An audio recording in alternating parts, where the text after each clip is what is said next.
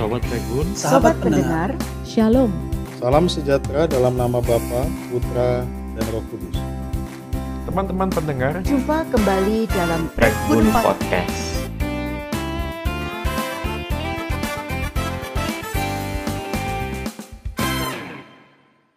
Nah sebetulnya kalau kita bilang tanggung jawab anak itu dalam karakter. Kalau kita ngomong ke kacamata firman. Orang tua loh pak. Ya. Didiklah anakmu. Untuk Ya. mengasihi Tuhan, untuk ini, untuk benar nggak? Action. Conversation is on. Halo sobat podcast semua, Eh, kita senang sekali kedatangan Ibu Ida Sianipar. Halo Ibu, Halo, halo. kita udah lama ketemu. Iya. Rata-rata saya sama tamu saya bilangnya gitu sih Bu, lama gak ketemu. Karena memang gak ketemu Bu. Betul. Biasanya kan kita mondar mandi di gereja, sekarang eh, ya kondisi seperti ini kebanyakan ya kita membatasi aktivitas sih ya sebetulnya. Eh, kesibukan apa Bu sekarang Bu?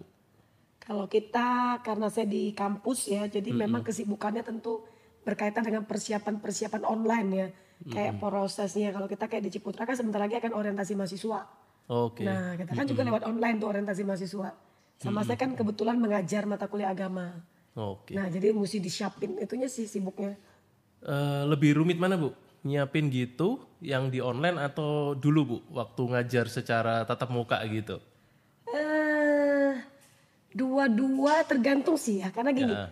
ke, kalau kita kayak saya kan selalu berpikir tiap kali semester selalu berpikir apa yang harus berbeda dengan semester sebelumnya. Itu kalau yang tatap muka. Waktu tatap muka. Hmm. Dan bagi saya waktu kita online pun sama. Kan kita selalu berpikir ngajar itu jangan sampai anak yang semester sebelumnya dengan semester sekarang tahu pola kita tuh ya pasti begitu. Oh. Jadi sebenarnya eh, saya nggak terlalu sampai ngerasa ada perbedaan yang terlalu Signifikan Iya, gitu ya. signifikan sih antara offline dengan online. Bu kalau dari kualitas gimana bu? Kalau eh, ya mau nggak mau kan karena pandemi gini kan kita mesti eh, pemerintah udah memutuskan bahwa pendidikan ini eh, harus secara daring gitu kan, secara online. Eh, walaupun ada pe- agak ada fleksibilitas sekarang kan, kalau zona hijau kalau disetujui oleh Iya. semua kita bisa offline tapi dengan batasan-batasan tertentu gitu kan. Nah, Bu, eh, dari sisi kualitas gimana Bu? Ada beda nggak Bu kira-kira? Eh, saya bagi Pak ya, saya mencoba membagi dua fase. Satu Oke. fase Maret sampai Juni kemarin. Oke. Karena Maret menurut saya Juni. itu adalah online yang banyak orang kaget. Ya, Nah, ketika Setuju. kaget, betul ya Pak Mm-mm, ya. setuju. Semua juga bisa dibilang eh, guru mungkin bisa jadi belum Siap, siap, iya. muridnya juga belum siap, orang tua kan sebenarnya kalau kita bilang sekolah kan berarti dunia pendidikan ada murid, ada orang tua, ada guru kan gitu ya. Iya. Ada fasilitas. Nah, menurut saya di bulan Maret sampai bulan Juni itu bisa jadi eh, secara kualitas mungkin ada yang menurun dari beberapa eh, sekolah gitu ya atau dalam dunia pendidikan yang tidak siap. Bisa saja gitu loh. oke. Nah, itu kita tapi eh, ini sih ya maksudnya kalau fase yang kedua yang sekarang ini dari Agustus nanti ya atau Iya. Juli yang anak-anak SD, SMP, SMA yang sudah sekolah ya ke Juli ke nanti ya sampai akhir ini saya rasa tentu secara kualitas harus sudah mulai dipikirkan karena kan sudah ada satu dua bulan untuk mempersiapkan itu. Ya, eh, saya sendiri ngalamin sih Bu dari anak saya gitu kan ini satu SMA, satu masuk SMP. Jadi ya tiap hari pasti dua laptop Ya. dipakai mereka sama mereka gitu kan. Cuman memang eh, ya kadang-kala mereka pikir bahwa lebih enak offline sebetulnya gitu kan. Lebih lebih lebih enak offline. eh Ya sebetulnya sih kalau menurut saya apakah benar atau enggak cuman secara pribadi saya berpikir bahwa apakah mau offline atau online asal eh, materi yang disampaikan itu bobotnya sama mestinya dari cara penyampaian aja sih. Secara teknis doang sih. Enggak enggak enggak bukan dari sisi mutu materinya gitu ya. Bu. kira-kira benar gak sih Bu pandangan saya? iya. sebagai orang tua nih ya. Iya, saya setuju sih Pak. Makanya sebetulnya kan, maka tadi saya katakan kenapa saya bagikan dua fase, karena bisa jadi ini guru yang tidak siap menggunakan teknologi, akhirnya dia bingung cara menyampaikan agar materi tetap tidak tidak berkurang. oke Sebetulnya kan kita semua, misalnya mata pelajaran apa pun ada capaian. Ya. Harusnya bagaimana kita menyam, eh, supaya capaian itu sampai ke siswa. Nah, ketika dia sudah pusing dengan teknologinya karena memang nggak nguasai gitu Ya. kan itu yang akhirnya menyebabkan ya sudah akhirnya kayak ya udah disampaikan beginilah pokoknya nyampe gitu ya. Ya. atau bisa juga gini pak yang menyebabkan materi tidak tersampaikan dengan baik.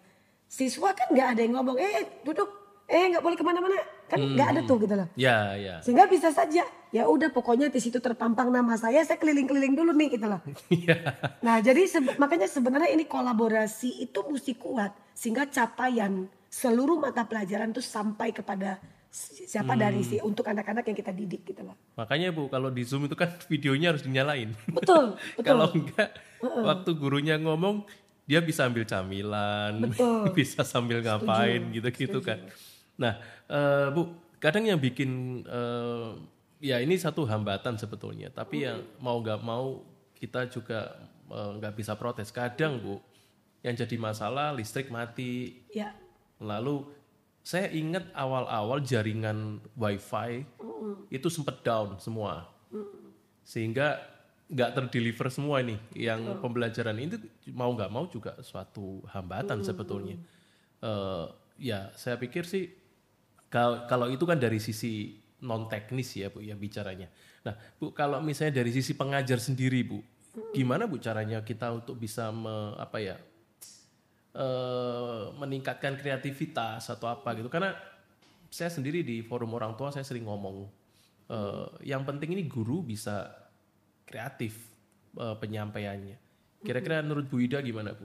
Nah, tadi makanya toh Pak, saya bilang saya bagi dua fase tadi. Fase pertama karena kita memang belum siap, kita mungkin belum menyi- eh, belum belum tiba-tiba nggak semua orang kan tiba-tiba ide kreatif A, B, C gitu ya. Tapi ketika ada jeda waktu, harusnya sih Juli Ya. ke bawah ini ke, ke, seterusnya ini harusnya jauh lebih baik. Menurut saya memang seorang guru harus memikirkan. Nah, kakak tadi kita bilang misalnya kita kan kaget, eh tiba-tiba listrik mati, eh, Ya. tiba-tiba ini gitu ya. Kalau kami misalnya kami sudah siapkan apa? Semua materi sudah kami syuting ter- terlebih dahulu. Oh. Jadi materi akan diberikan jauh sebelum anak itu ikut kelas kita. Bapak bisa Oke. kebayang saya misal ya.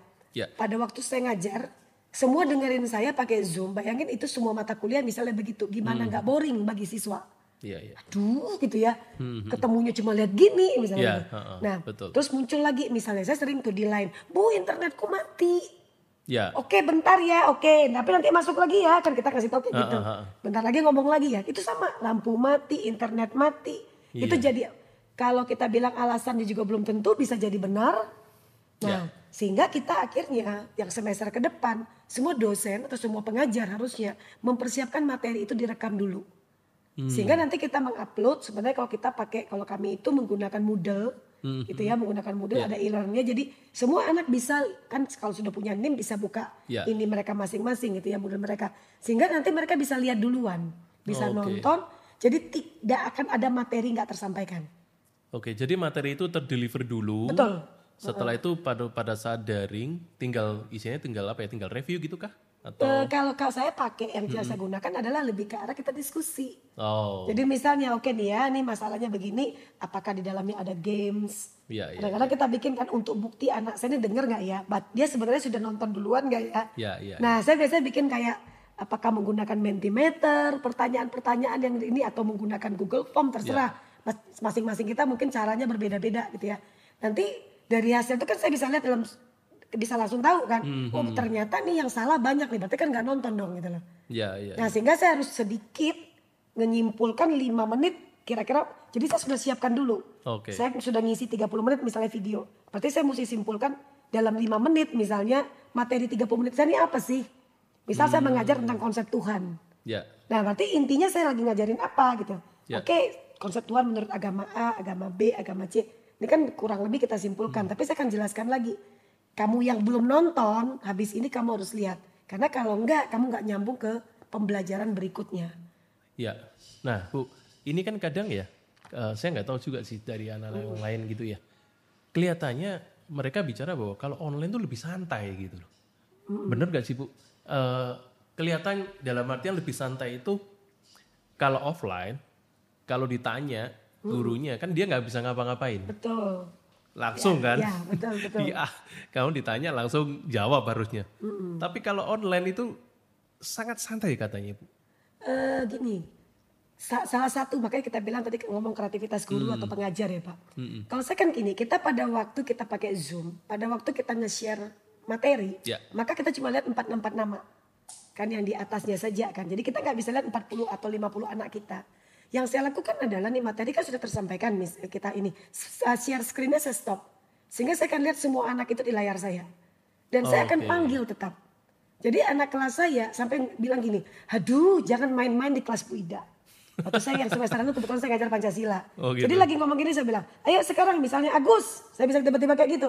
Jadi saya lihat mana yang sudah kelihatan kepala tertunduk, atau tiba-tiba layar itu tidak kayak nggak gerak itu loh Pak. Ya, Jadi ya, gambar ya. dia nggak gampang ngapain. Uh-uh. Ah ini pasti ini gambar, ini cuma gambar. Freeze. Jadi uh, pinter dia. Jadi kadang-kadang anak itu pinter pak. Dia pakai baju gambar dengan pakai baju waktu dia live itu atau sama kita dia sama. Sehingga Iya, kalau iya. kita nggak perhatikan, saya pikir "Loh, kok mukanya gini terus? Wah ini pasti nih. Nah jadi saya biasanya kayak gitu saya panggil Agus, misalnya Ida, Adi. Iya, Sehingga iya. akhirnya dia kaget dan akhirnya mereka akan saling ngomong. Minggu depan pasti nggak berani. Gak ada yang pakai kacamata hitam bu ya? iya, terus gak ada, gak ada yang pakai jasa. Jadi pada, Loh, tapi kan Pak gini, ketika dia misalnya memang meninggalkan sebentar, dia kan gak akan tahu. Jadi ada Iya. anak yang bisa nanya, maksudnya gimana bu pertanyaannya? Berarti lo gak dengar gue ngomong. Nah, Nah, langsung gitu ya. Oke teman-teman kesepakatan, biasanya saya ngomong Pak di awal kelas, di awal tiap kali pembelajaran. Berarti kalau kamu tidak menjawab, berarti kalau berarti ada minus point. Hmm, Berarti saya anggap kamu nih nggak memperhatikan dong gitu loh. Ya, Tapi ya. kalau kamu bisa menjawab dengan maksimal, berarti ada poin. oh, oke. Nah, langsung kita jadi sih yang saya buat itu satu men- bertanya secara mendadak. Yang Ya. kedua refleksi, Pak. Jadi itu macam-macam. Minggu ini refleksi, minggu depan mungkin bikin semacam kayak eh, kayak video singkat. Ya, minggu depannya TikTok. Itu semua lah Pak media-media anak muda kita pakai harusnya. Oke. Berarti ibu ini termasuk dosen killer bu? di, di, di Tapi dicintai kok, Pak. Tahunya kan di mana? Kan kita tahu dari hasil evaluasi satu. Oke. Yang kedua kan kalau mahasiswa bedanya dengan siswa, Pak. Kan mereka milih, Pak. Ya, ya, ya. Gitu sih. Ya. Tapi eh, sekarang sih gue kayak eh, guru-guru di SMA juga lebih sekarang lebih apa ya kalau bicara lebih update sih dari dengan apa dengan aplikasi-aplikasi yang Iya, dipakai betul, sama betul. anak-anak itu kan. Nah, Ibu, ini kita, kita tadi bicara mengenai pendidikan gitu ya, mengenai pendidikannya secara offline kah atau daring dan sebagainya. Kita masuk lagi Bu ke dalam suatu eh, dari sisi siswanya gitu ya. Eh, saya langsung to the point aja bu. Gimana bu? Eh, apakah itu ada perubahan karakter nggak bu antara saat sekolah ini tatap muka dengan online? Kalau menurut ibu pengamatannya seperti apa bu? Kalau saya ngelihat Pak ya, maksudnya memang kayak gitu kan sebenarnya perlu ada penelitian khusus kali ya. Karena kan kita mesti lihat, karena generasi kemarin kan generasi di tengah-tengah off online-nya. Kalau kita mau coba sebenarnya kita mesti langsung analisa dari Juli nih Ya. sampai sampai nanti Desember gitu ya. Nah tapi sekarang misal kalau kita ngelihat orang nonton film motivasi apa video tentang motivasi bisa berubah nggak? Belum tentu juga. tapi bisa berubah. Bisa kan? berubah. Jadi ibaratnya bisa dibilang ketika kita nonton sesuatu, ada orang yang akhirnya setelah nonton film bagaimana perjuangan seorang ibu, ah, tiba-tiba akhirnya dia ngomong ke mamanya, mama saya cinta sama kamu. Satu kalimat yang gak pernah diomong. Hmm. Ya, ya. Padahal cuma nonton nih gitu loh. Dalam arti, berarti mau offline atau online, tergantung si pribadi si anak juga kan. Saya mau nggak ya, sekarang saya selalu mengatakan ke mahasiswa ya, Pak, pilihan kamu. Kamu pengen belajar dengan serius, kamu pengen anggap ini angin lalu, pilihan kamu dan itu akan jadi kerugian bagi kamu kalau kamu tidak serius. Nah, saya cuma melihatnya adalah, oh kita nonton film aja bisa mengubah kita kok. Oke. Berarti sebetulnya nggak ada. Yang membedakan kan gini sekarang. Dulu kita langsung anaknya, eh tepok. Ya. Nah gini, ayo kamu nggak Ya. boleh gitu gitu kan. Sama kita ngomong harus jujur kalau kamu misalnya terlam- terlambat nih. Hmm. Eh, mahasiswa saya kalau misalnya mulai ngasih alasan pak ya, tadi itu habis dari sini ke sini ke sini dan panjang, itu pasti sinetron. Bagi saya gini, kamu bohong. Ya. Nah, salah satu nilai yang saya ajarkan kan kejujuran misalnya. Ya. Nah, tapi ada anak nyampe, Bu, saya terlambat. Kenapa kamu terlambat? Karena saya memang bangun terlambat. Bagi saya itu akan tetap saya absen. Anak yang banyak alasan saya nggak absen. Sebetulnya pada waktu mereka masuk Zoom kan bisa telat kan, Pak? Ya. Nah, pada waktu telat kan tetap perlakuan sama kan? Oke. Sebenarnya kan yang membedakan cuma kalau saya ngelihat gitu ya. Cuma ini tadinya langsung ketemu anaknya, sekarang tidak. Hmm. Jadi sebetulnya perubahan karakter juga tetap bisa dilakukan walaupun itu online. Oke. Nah, Bu, eh, itu kan kita bicara dalam artian bahwa em, gini Bu. Contoh begini, saya eh, juga to the point langsung deh Bu ya. Jadi kalau dulu Bu, kita bicara anak ini nggak boleh istilahnya nggak boleh nyontek gitu kan. Itu masih kita masih bisa kontrol gitu kan. Iya. Istilah guru masih bisa kontrol. Tapi untuk saat ini kan susah Bu. Karena kan daring kan. Contoh misalnya saya ngezoom nih Bu di sini misalnya. Ujian gitu kan. Tapi kan saya punya HP di sini kan. Saya carilah ke eh, Google misalnya. Ya. Atau saya cari di mana pun referensi. Betul, betul. Nah, eh itu kan eh, sedikit banyak merubah suatu apa ya? Mungkin saya mungkin karakter mungkin atau apa ya? Terlalu jauh kah atau apa? Terlalu, kalau misalnya saya bicara karakter. Karena kan dari yang seharusnya saya bi- harus jujur tapi saya karena ada peluang di sini maka saya akan memanfaatkan gitu loh. Bisa, bisa Pak. Cuma memang bagi pengajar, pendidik yang selalu menggunakan pola 2 tambah 2 sama dengan 4. Hmm, Jadi ujiannya 2 tambah 2 tanda tanya, 3 tambah 3 tanda tanya. Itu akan mudah anak nyontek. oke Tapi kalau misal ya, kenapa sih kita mesti belajar ilmu berhitung? Oh, oke Jadi istilahnya kalau bagi saya, cara kita mengevaluasi, gak zamannya lagi sih sebetulnya Pancasila adalah, tapi bagaimana kita ngajarkan, kenapa kita mesti belajar Pancasila? jadi lebih mengengage gitu ya bu Betul. bukan dalam artian suatu teori doang gitu Betul. kan Nah kalau kita lihat juga dari Nadim ya, Pak Ya. Menteri kita Nadim ya kan itu juga sudah jelas tuh. Dia ngajak anak mana lagi sih mau apa apa katanya ujian apa mau di ya kita nggak tahu nanti endingnya gimana lah ya. Tapi bagi saya itu penting karena akhirnya ketika pola itu yang dipakai adalah kayak tadi cuma sekedar ada pertanyaan dan ada jawaban yang sudah ada di buku. exact ada Betul. gitu Heeh. Kita cuma bisa apa? Hafalan. Coba tanya anak-anak yang sudah selesai dari SMP. Ingat nggak pelajaran SMP? Tidak. Karena bagi mereka aku belajar untuk ujian. Aku Iya. belajar untuk apa? Untuk bekal. Kenapa aku mesti bisa begini? Jadi makanya saya bilang, misalnya kayak kemarin ya Pak, saya semester lalu kan ngajar Pancasila. Kata orang, karena saya sebenarnya latar belakang karena saya lihat gini. Banyak anak yang ngerasa kayak, kapan sih mesti belajar Pancasila gitu loh. ya Justru tertantang bagi saya. Penting. Kenapa sila pertama mesti ketuhanan yang Maha Esa? Kenapa? Oke. Karena kalau kamu dengan Tuhan beres, maka kamu akan bisa memanusiakan manusia. Kemanusiaan yang adil. Misalnya kayak gitu loh Pak. ya. Nah ketika diajak berpikir begitu, lo mau ujian pakai apa? Saya ujian selalu open book loh Pak. Saya tidak Oke. pernah, mereka bisa buka internet setiap kali saya ujian. Tapi nggak ada jawaban di situ. Iya bu, saya pernah ngalamin juga. Nggak? Guru saya dulu juga gitu SMA. Setiap ulangan itu open book, Open book. open book. Tapi begitu dicari di buku nggak ada bu, nggak ada sama sekali. Bapak bilang saya bilang lu mau buka Google, lu mau nanya open friend terserah lu mau kayak mana aja. Yang penting lu tetap di mejamu jangan keluar meja gitu ya. Iya. Tetap di kelas ya kerjakan. Betul. Nah justru mereka sampai kayak aduh kenapa yang saya minta apa? Analisa. Ya, Nah kemampuan analisa itu yang penting ketika mereka nanti selesai dunia pendidikan. iya, iya, iya. Itu sih gitu. Nah maksudnya eh, bagi saya saatnya mungkin Tuhan izinkan Pak ya pandemi ini untuk semua dunia pendidikan termasuk yang Kristen gitu ya berpikir bahwa jangan sampai kita ngajarkan anak cuma sekedar ya sudah hafalan cuma tahu begitu hanya untuk ujian tanpa berpikir bahwa ini adalah rancangan kamu jadi apa nanti hari ini kamu menentukan kamu menyikapinya. Hmm, hmm. Itu. Nah iya memang benar sih bu, menarik sekali sih dalam artian bahwa eh, gimana caranya eh, pengajar itu bisa mempertahankan karakter si anak ini. Kalau dulu kamu harus bertanggung jawab juga sekarang secara daring pun harus sama gitu kan. Betul, betul. Nah eh, ibu eh, karakter atau nilai-nilai apa yang kira-kira yang harus ditanamkan saat ini bu de, de apa kepada anak-anak kita ya? Sesu, ya tentu saja sesuai dengan dasar-dasar Kristiani gitu kan.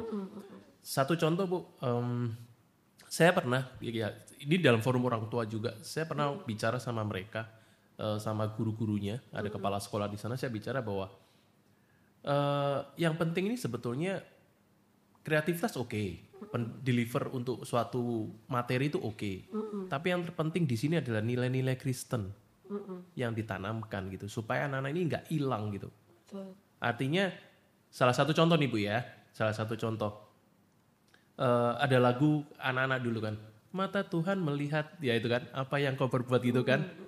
Nah itu itu itu bisa loh ditanamkan gitu loh. Betul, sangat.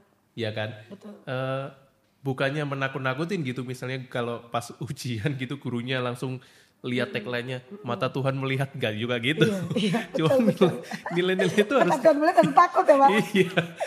Tapi eh, bagaimana eh, seorang pengajar itu bisa menanamkan itu gitu loh, Bu. Nah, menurut Bu Ida eh, karakter atau nilai apa sih Bu yang kira-kira bisa di eh, apa ya, bisa ditanamkan gitu kepada anak-anak sih Bu kira-kira? Sebenarnya kan Pak, kalau kita memang bilang dari sudut pandang Kristen ya, itu kan jelas bahwa kita bukan karena orang yang melihat, tapi karena Tuhan melihat. Ya. Kan sebenarnya konsep tentang Tuhan itu kan sebenarnya kuat gitu ya. Nah kalau saya ngeliat adalah sebetulnya saat ini kita nge- menguji integritas, kejujuran, tanggung jawab. Ya. Nah sebenarnya saya suka dengan tokoh Yusuf sih Pak. Yusuf Oke. yang di perjanjian Ya. lama ya. Dalam arti kan dia kita kalau kita ngelihat, kenapa dia bisa berhasil? Padahal kalau kita ngeliat tantangannya itu kan nggak main-main. Ya. Menurut saya karena dia selalu berpikir bahwa yang kulakukan ini adalah untuk Tuhan, yang kulakukan ini Tuhan melihat dan aku pertanggungjawabkan kepada Tuhan. Ya. Itu yang sebenarnya saya rasa perlu kita tanamkan kepada banyak anak-anak Kristen apalagi kalau sekolah kita embel-embelnya sekolah Kristen. Ya. Nah itu ini kesempatan banget. Oke gurumu nggak tahu kamu nyontek. Tapi Tuhan tahu gitu loh. Toh kita ngajak mereka untuk berpikir pertanggungjawaban terakhirmu loh bukan di hadapan guru sebetulnya. Tapi ke- justru Pak pandemik ini menurut saya kesempatan kita nanamkan doktrin-doktrin atau kebenaran-kebenaran Kristen itu kepada siswa. Soal nanti mereka tidak respon dengan positif bagi saya itu tetap masing-masing. Oke. Nah, tapi yang kesulitan Bu kadang ya, kita bicara di level ya Bu, level pendidikan nih, kita bicara di mahasiswa, kita bicara di SM, SMA gitu ya. Cuman akan kesulitan kalau kita bicara di level SMP sama SD. Gitu. Nah, kira-kira gimana sih Bu? Karena kan eh, ya jangankan SMP SD, kita bicara di SMA sama yang di kuliah aja eh, atau mahasiswa aja kita bicara karakter atau nilai-nilai dasar Kristen seperti itu aja ya paling mereka iya iya doang kan. Setelah itu juga nggak nggak nggak jalan sepenuhnya gitu loh. Nah yang kecil ini loh bu yang level yang bawah ini gimana sih kira-kira bu Sebenarnya ya Pak, ya sebenarnya saya tuh konsen dalam arti gini. Saya sempat dulu berpikir, apa saya ngelepaskan sesuatu yang rutinitas dalam arti, kan sekarang saya full time tuh. Karena saya sangat konsen memikirkan yang namanya pendidikan karakter itu nggak di SMA kuliah Pak, justru TK. Menjelaskan konsep tentang bahwa Tuhan melihat, kamu harus bertanggung jawab dan jujur. Itu sih bukan kalau karena di TK nggak terlalu sampai detail kita memikirkan bagaimana kayak tadi Bapak Iya. bilang menyampaikan mendelivery ke anak. Sehingga akhirnya di SMP, di SD itu juga nggak terlalu. Jadi kayak mata kuliah mata pelajaran agama yang ya sudah Tuhan pencipta langit bumi ya. Terus ada kaitan dengan hidup gua apa? seperti teori doang gitu, Betul. Bu. Nah masuk dari SD SMP kita coba lihat lah rata-rata cuma kebanyakan teori sampai ke SMA. Nah ketika kita disuruh ngubah di SMA dan kuliah sudah susah. isinya udah terlambat bu Sudah ter- menurut saya ya kecuali akhirnya betul-betul dia punya pengalaman perjumpaan dengan Tuhan. Oke Nah ini kita ngomong lain lagi Pak, Iya. itu sudah Iya, maksudnya itu- mungkin ini. iya. Ya, satu tema yang mungkin lebih Ya. dalam lagi kota bahas itu. Tapi dari dari TK itu sebenarnya kan konsep Tuhan itu tadi tadi saya bilang gini Pak, kita suka cuma ngomong Tuhan pencipta titik. Jadi Hmm. ketika dari mana ibu tahu? Pokoknya Tuhan menciptakan. Kita kan nggak berpikir untuk oke karena Tuhan pencipta, apa kaitan dengan hidup kamu? Hmm. Berarti kamu miliknya Tuhan. Berarti kamu harusnya hidup sesuai dengan aturan main Tuhan. Oke Nah itu kan kita enggak Pak. Ya, saya tahunya dari mana? Dari itu. Saya kan sempat akhirnya gara-gara saya pengen kok rasanya saya pengen memikirkan nih konsep untuk didikan mata pendidikan mata mata eh, mata pelajaran agama tuh gimana ya? Saya Hmm. lagi mikir tuh itu berarti harus dari TK nyambung ke SD, nyambung ke SMP, nyambung ke SMA. Kalau ini sudah beres Pak, kuliah pasti dia bagus. hmm. berarti memang pembentukan karakter mulai dari, Dari paling kecil, bawah dari paling bawah, gitu ya dari bawah. Nah ini kan kadang-kala sering miss kan Bu, memang Betul. seperti yang Bu Ida tadi bilang kan, Eh, sering kali miss dalam artian gu- apa ya guru-guru agama cuman bicara mengenai eh sorry nih saya saya cuman istilah saya seolah-olah mendongeng Ya, ke anak-anak gitu. betul. Jadi cerita-cerita di Alkitab isinya cuma disampaikan sebagai cerita doang, Betul. tetapi intisarinya atau makna cerita itu nggak pernah disampaikan ke Betul. anak-anak gitu. Betul. Ya, Eh, tapi bicara mengenai pendidikan atau pembentukan karakter seperti itu, Bu, itu kan sebetulnya juga bukan tugas guru doang kan, Bu, Iya, bukan iya. tugas guru aja, tapi juga orang tua gitu kan. Betul setuju. Nah, ini kan sekarang lagi ribut kan, Bu, orang tua. eh ya mohon maaf sih, saya kadang nggak nggak nggak nggak habis pikir bahwa ada orang tua yang stres gitu, karena anaknya belajar online. Lebih baik sekolah aja, saya nggak beban saya berkurang gitu. Kadang saya juga agak bingung, Bu, terus terang. Oh, kenapa stres gitu? Anak lu di rumah, lu leb- mestinya le- bisa bisa lebih mengawasi mestinya gitu, gitu kan. Ya cuman saya saya nggak berani me, me- menjudgment bahwa itu salah gitu, nggak juga gitu. Nah, Bu, eh, peran orang tua sebetulnya ada di mana, Bu, untuk pendidikan karakter itu? Saya lihat Pak ya kalau kita kalau kita lihat secara eh, dunia pendidikan apalagi munculnya pandemi ini sebenarnya kita harus bersyukur Pak. Serius. Karena sebetulnya ini adalah kesempatan melakukan pemulihan dalam banyak hal. Oke. Sebetulnya kan makanya tadi saya ngomong tadi sempat saya singgung tentang kolaborasi. Ya. Nggak bisa kolaborasi itu harus ada anak, ada orang tua, ada guru, Guru, gitu ya. kan? Itu paketan tuh, sama kurikulum. Ya. Itu kan satu paket. Nah sebetulnya kalau kita bilang tanggung jawab anak itu dalam karakter, kalau kita ngomong ke kacamata firman, orang tua loh pak. Ya. Didiklah anakmu untuk Ya. mengasihi Tuhan, untuk ini, untuk benar nggak? Di awal itu. Di awal. Ya. Dalam kata lain, ketika anakmu rusak, jangan salahkan langsung sekolah sebetulnya. Hmm. Kan kadang-kadang ada orang tua yang, ya untuk saya tidak di- tidak pelayanan full time gereja pak ya, Hmm. di gereja tertentu ya. Guru sekolah minggu disalahin, pembimbing remaja disalahin, guru di sekolah disalahin.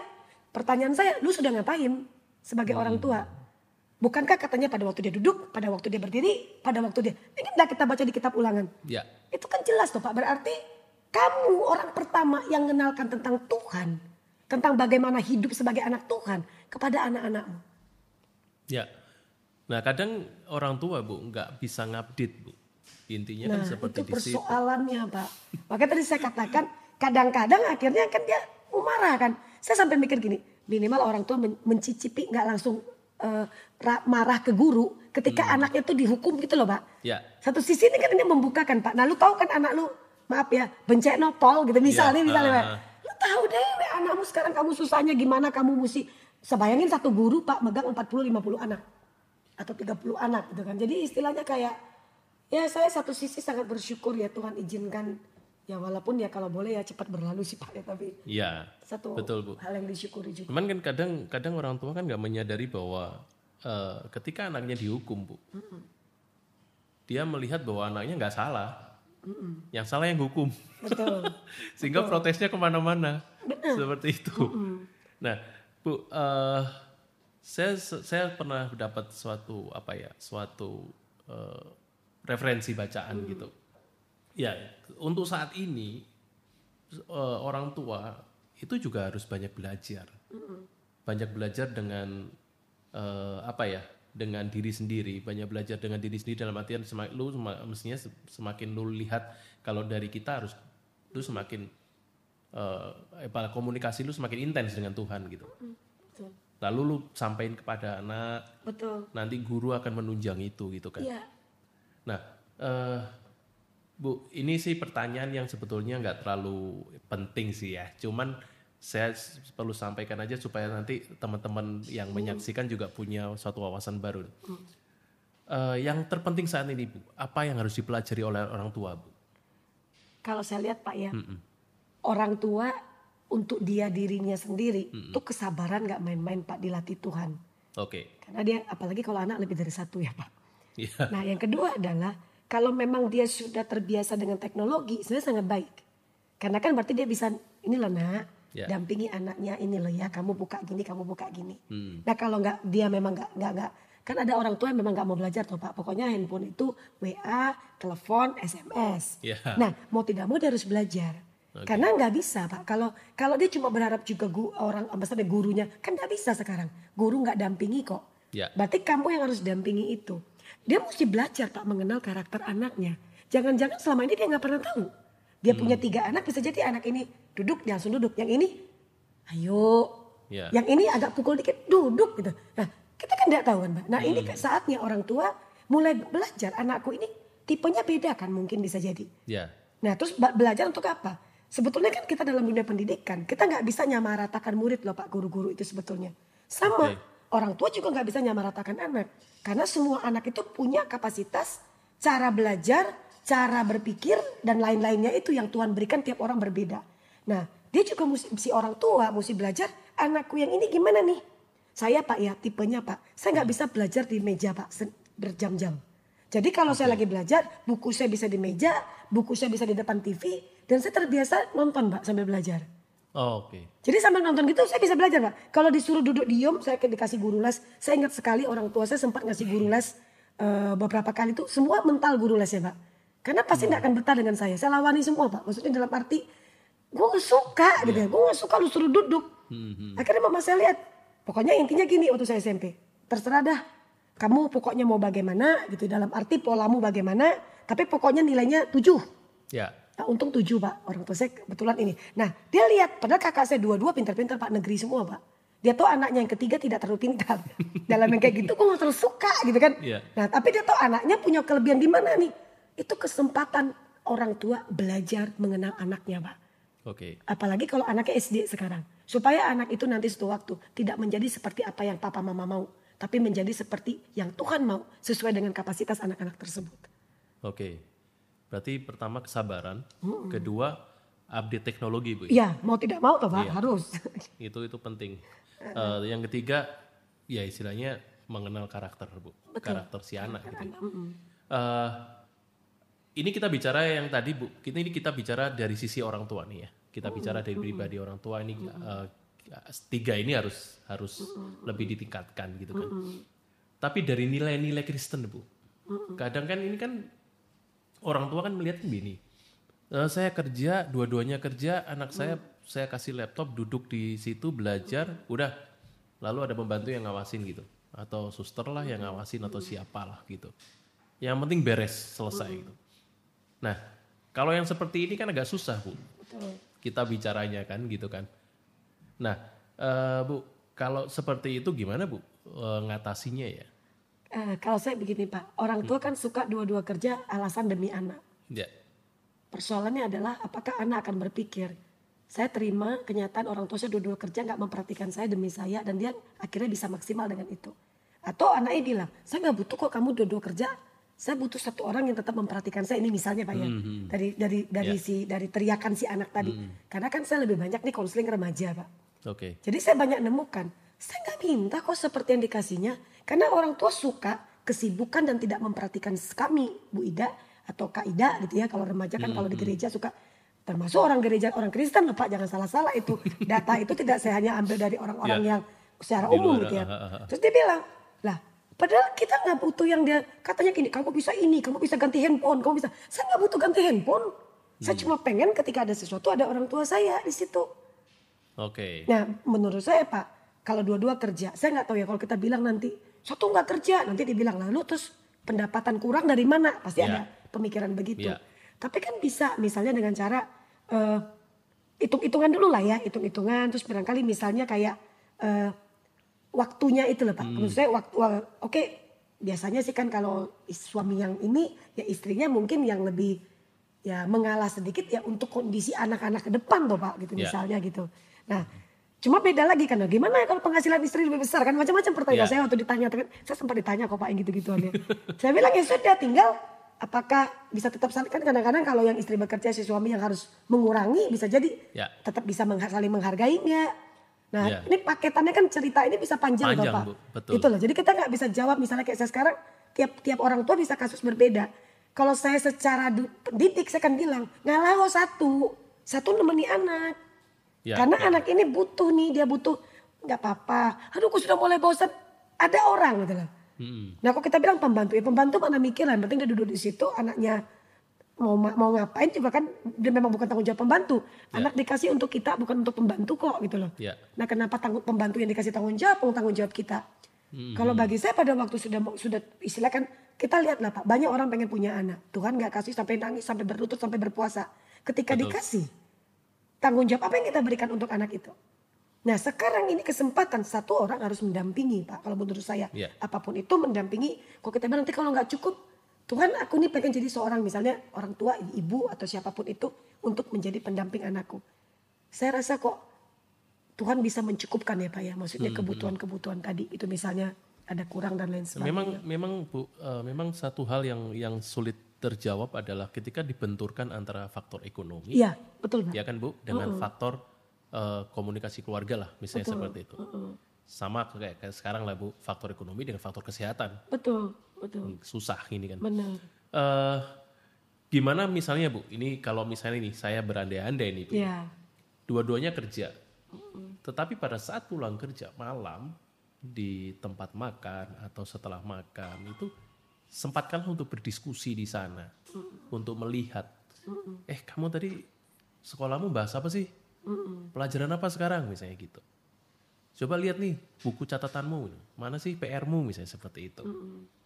Lalu eh, coba besok mata pelajaran apa? Ayo siapin yuk bareng-bareng itu masih kira-kira Bu sudah cukupkah atau at least ya ada komunikasi di sana gitu. Sebenarnya Pak tergantung anak usia berapa kali Pak ya. Kalau memang anak itu sudah bisa kita arahkan untuk dewasa ya untuk oke ya nanti kamu ini terus kita bisa bertanya masih memungkinkan. Kayaknya kalau anak kelas 1 SD, kelas 2 SD, kayak yang masih SD SD itu kok kayaknya Susah ya. kok saya ngerasa tetap agak susah kok cuma nanti malam dia sudah aku tadi sudah belajar disuruh lagi ngomongin pelajaran sudah males kan. Kan ja- eh, ada eh, waktu tertentu kan pak bagi seorang anak yang Ya. berapa menit berapa menit bisa konsentrasi itu. Tapi kalau tadi pak ya misalnya kita kita ngomong oke benturan ekonomi nggak bisa nggak kerja dua-dua. Ya terpaksa mungkin solusi yang tadi yang bapak ngomong setelah selesai itu nah apa tadi biar diperiksa tadi gimana laptopnya oke nggak?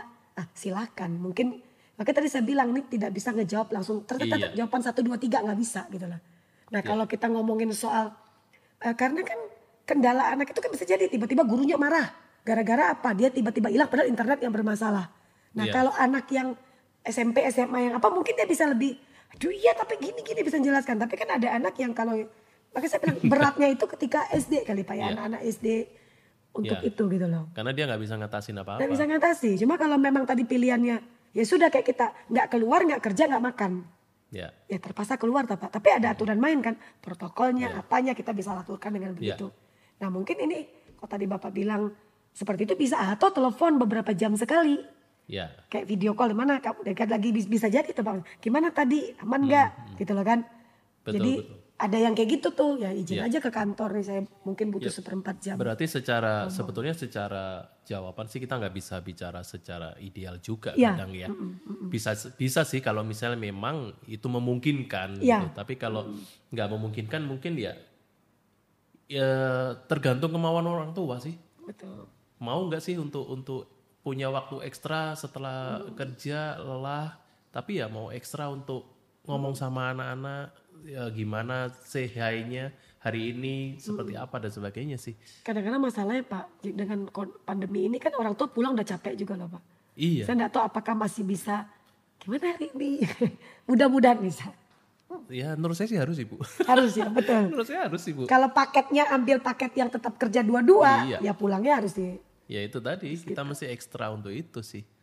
Ya saya pikir sih yang tadi Bu Ida bicara bahwa ya kita dikasih anak bukan bukan setelah itu dikasih terima kasih Tuhan selesai saya begitu saya cuman gedein aja selesai nggak juga kayak gitu kan. Yang saya lihat Pak ya, Pak Teguh yang saya agak ras- sering kali sekarang ini menjadi perhatian khususnya adalah banyak orang tua kan mengatasnamakan mencukupkan kebutuhan anak, menyenangkan mereka. Fokus anak loh Pak, semua. Ya. Jadi usaha yang pengen duitnya itu ditambah banyak, tambah banyak. Sebenarnya kan bukan lagi untuk mencukupkan kebutuhan, tapi sudah keinginan. Ya nggak salah sih, tiap orang kan juga punya keinginan untuk lebih, untuk tambah, untuk bertambah. Tapi akhirnya mengatasnamakan anak sesuatu yang kadang-kadang kalau kita mau dengar teriakan anak, apakah anak akan berkata thank you atau bilang aku nggak mau itu sebetulnya. Belum tentu itu. Belum ya. tentu pak. Ini kita lagi nggak ngebahas tentang soal yang kalau satu nggak kerja nggak cukup loh pak ya. Ya, lain ya. ya kita bahas yang lain. Tapi ini kita bahas tentang kalau sebenarnya satu ada yang ngalah dan satu bisa berkorban sedikit waktunya masih bisa sebetulnya. Ya. Nah itu yang kita bahas gitu. Saya nemukan tuh, ya ini untuk kamu itu kalimat yang, ah, ya ini cerita teriakan anak loh Ya, pak maksudnya. ya. Tapi anaknya langsung ngomong, saya nggak mau itu Bu Ida. Saya nggak butuh kok. Saya ingat saya satu anak sampai nangis pak bilang, saya nggak butuh handphone baru. Saya nggak butuh bu, saya cukup kok handphone satu juta. Yang penting bisa ikut lainnya ke teman-teman karena di sekolah sekarang pakai grup-grupan. Kalau bikin tugas pakai grup, nggak perlu kok bu. Saya nggak perlu tuh yang mesti ah, pakai iPhone, pakai apa. Walaupun sekarang saya dia kebetulan dikasih yang canggih-canggih semua. Saya nggak butuh itu bu. Ya. Saya malah iri dengan teman saya yang diantar papa mamanya naik motor. Saya sampai pikir gini, waduh, ini, nah padahal orang tua dengan penuh perjuangan berkata ini untuk anakku. Ya. Nah Iya. itu yang yang saya rasa mungkin hikmat Tuhan kali Pak Teguh ya. Maksudnya kalau memang kamu pengen lebih berdoa Tuhan inikah. Saya rasa salah satu hal yang perlu kita terapkan sebagai orang Kristen saat ini. Minta hikmat Tuhan apakah kami berdua. Apakah memang kalau memang kami tidak bisa apa-apa Tuhan. Tuhan tahu kondisi kami. Ya sudah kalau gitu Tuhan aku nanti berikan aku kekuatan kesehatan ekstra untuk ngomong ke anakku setelah pulang kerja. Misalnya kayak gitu mungkin Ya. ya Tuhan akan memberi hikmat lah ya bagi kita. Iya. Nah, Ibu, eh, pertanyaan terakhir nih kita eh, bukan bukan pertanyaan penutup, tapi pertanyaan terakhir nih ya dari saya nih. Bu, eh, Ibu kan masih terima konseling kan? Untuk masa pandemi gini, Bu, yang kasus yang paling banyak apa sih, Bu? Sebetulnya kalau memang dari anak, kalau anak tuh memang cenderung Pak, eh, karena kan kadang mereka udah jujur, kadang dapat eh, ah kamu pasti bilang eh, bukan sengaja bilang internet apa tuh relasi dengan pengajar sih Pak, itu Ya. ada. Tapi dengan orang tua paling banyak Pak. Oh gitu ya. Dengan orang tua. Justru di pandemi ini, Bu. Mm-mm, karena kan mereka kebanyakan tinggal sama orang tua jadinya berjam-jam. Iya, iya, iya. Saya sempat tanya berapa jam tuh misalnya kan kamu sama orang tuamu berapa? Iya berjam-jam bu om tutup kok. Gitu. Jadi rupanya ada yang sampai misalnya tokonya tutup. Nah. Kalau toko makanan kan kebanyakan tutup. Iya. Ada lagi yang mereka tour atau apa saya nggak tahu lah pokoknya itu betul-betul. iya. Iya pak itu benar-benar sama sekali enggak kan. Iya. Nah tiap hari lihat ya ibaratnya eh, kita tuh mau bantu juga bingung tapi kalau kita diam saja dimarahin dibilang kenapa kamu nggak ngebantu gitu lah. Terus jadi istilahnya ribut sama orang tua tuh lumayan sih. Iya. Eh, kalau kita baca di media, ini yang saya nggak habis pikir kenapa kok terjadi kasus kekerasan anak meningkat gitu loh. Justru kan harusnya kalau anak bersama orang tua itu kan mestinya anaknya seneng gitu loh. Kenapa ini semacam apa ya semacam ketakutan akhirnya gitu kan? Eh, kalau orang tua di rumah, aku malah stres gitu kan. Seolah-olah seperti itu sih bu. Nah ini ad- ad- apa yang salah sih bu sebetulnya? Nah, yang kita perlu saya rasa itu memang perlu ada penelitian khusus Pak ya. Maksud saya eh, bi- kita kan nggak tahu ketika dia anak ada bersama dengan orang tua, sikap orang tua kepada anak kan kita juga nggak tahu tuh. Oke. Nah, kita juga lihat kadang-kadang ada orang tua yang kan yang tidak sabar dalam mengajar. Sehingga bisa mengucapkan kata-kata kasar, bisa ada perlakuan kasar, sangat memungkinkan kan, Pak. Oke. Sehingga akhirnya anak hidup dalam kemarahan, dalam jadi istilahnya aduh jadi bisa akhirnya dia lakukan hal yang juga ngelawan gitu loh. Sama kayak bisa kita dalam dalam- kalau dalam pas lagi sekolah itu loh, Pak. Biasa anak tertentu ketika dapat pendidik yang misalnya pakai keras, bisa jadi dia akan jadi lebih keras toh, Pak atau Iya. meresponi dengan cara yang eh, tidak kita sangka gitu ya. Anak kecil kok bisa kayak gitu gitu loh. Iya, iya. Nah, saya membayangkan bahwa em, bisa saja ada banyak orang tua yang ya cara cara dia tadi saya ngomong ada macam-macam anak. Ya. Jadi ada anak yang kamu mesti kerasin langsung tunduk. Ada anak semakin dikerasin semakin marah dan akhirnya melakukan hal yang tidak tidak lebih yang tidak diharapkan mungkin gitu loh. Oke. Nah makanya saya- satu hal yang perlu dipelajari orang tua itu kan bagaimana kamu mengenal karakter anakmu. Dan yang selanjutnya adalah kita nggak kalah penting Pak ya. Maksudnya kamu cara kamu ketika bersama anakmu itu bagaimana? Nah apakah saya tetap percaya kalau kita mengucapkan kata-kata yang baik, kata-kata yang membangun, cara yang baik, harusnya akan menolong anak. Jadi iya enaknya di rumah aja. Harusnya kan gini toh Pak. Aduh aku lebih senang di rumah daripada di sekolah. Bukannya gitu harusnya. Iya betul Ya, makanya itu. tapi itu nggak terjadi kalau menurut saya kadang-kadang mungkin ya lepas dari anak kan juga bisa bergaul. Kadang Ya. eh kok temanku nggak ada bisa juga sih. Ya. Nggak selamanya orang tuanya yang nggak beres gitu ya. Ya, ya. Tapi kalau sampai akhirnya dia punya nggak seneng aku sama di rumah karena lebih bagus nggak sama orang tuaku atau mungkin dia lakukan tindakan yang eh, kekerasan itu bisa saja karena memang dia dapat perlakuan-perlakuan yang kurang terlalu baik dari orang Oke. tua. Ya intinya sih tadi kembali sih yang seperti Bu Ida tadi sampaikan kan eh, perlu tambah kesabaran. Ya eh, saya bicara saya saya akan balik dulu Bu. Jadi kesabaran, kenal karakter anak. Betul, Setelah itu baru sisi teknologi nih. Betul. Lu harus update kan gitu benar, kan. benar. Oke. Ya Bu, eh udah berapa lama kita ya? Hampir satu jam ya. Kurang lebih lah ya. Kurang lebih. Iya. Gak terasa Bu. Iya. kita kita saking lama kita nggak ketemu kita seneng nih saya juga seneng bicara dengan ibu mungkin ada konten yang lain nanti sama Bu Ida tadi Bu Ida sudah sebutin mengenai sangat menarik Bu saya seneng tadi ada kalimat dari Ibu bagaimana di sekolah atau anak-anak ini walaupun dia bersekolah mengalami perjumpaan dengan Tuhan. Nah ini rasanya bisa Bu. nanti kita diskusi lebih dalam. Tuh, bisa. Oke, siap. Janjian lagi sama Bu Ida. Iya. Saya janjian sama Bu Ida udah dua, dua bulan loh Bu kita Bu. Gak Iya. terasa loh dua bulan. Dua bulan lalu ya? Iya. Dua bulan. Dua betul, bulan. betul. Berarti dua bulan dari sekarang kelihatannya Bu. Oke Bu. Iya terima kasih banyak Bu Ida eh, untuk eh, bersedia jadi tamu di sini. Ya semoga Tuhan berkati Ibu dengan segala pelayanan Ibu gitu ya. Terima kasih banyak. Terima kasih. Ya, sobat podcast, semoga ini jadi suatu wawasan, jadi suatu pembelajaran bagi kita khususnya bagi orang tua. Ya, bagaimana kita mesti mendukung anak-anak kita dalam kondisi saat ini. Jadi ada tiga hal yang tadi saya catat bahwa yang pertama kita sebagai orang tua harus pertama meningkatkan kesabaran kita. Lalu kita mengenal karakter anak-anak kita dan juga jangan lupa nih kita mesti update eh, teknologi yang ada. Tapi semua paket tiga ini ya kita bergumul dalam Tuhan. Bagaimana kita menghadapi eh, kondisi saat ini. Oke, terima kasih semuanya. Tuhan memberkati.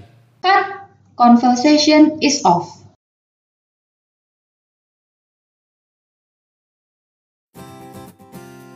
Teman-teman pendengar, terima kasih karena sudah mendengarkan podcast ini. Silahkan follow kami di Spotify dan Anchor, dan jangan lewatkan kesempatan untuk menjadi berkat dengan membagikan podcast ini. Jangan lupa juga untuk follow akun Instagram at Podcast untuk mendapatkan update dan juga berdiskusi seputar topik-topik menarik lainnya. Jika teman-teman pendengar mempunyai pertanyaan, saran, atau butuh bantuan doa, bisa langsung chat atau DM kami melalui akun Instagram at Podcast. Sekian segmen kali ini, sampai jumpa di segmen-segmen selanjutnya. Tuhan Yesus memberkati.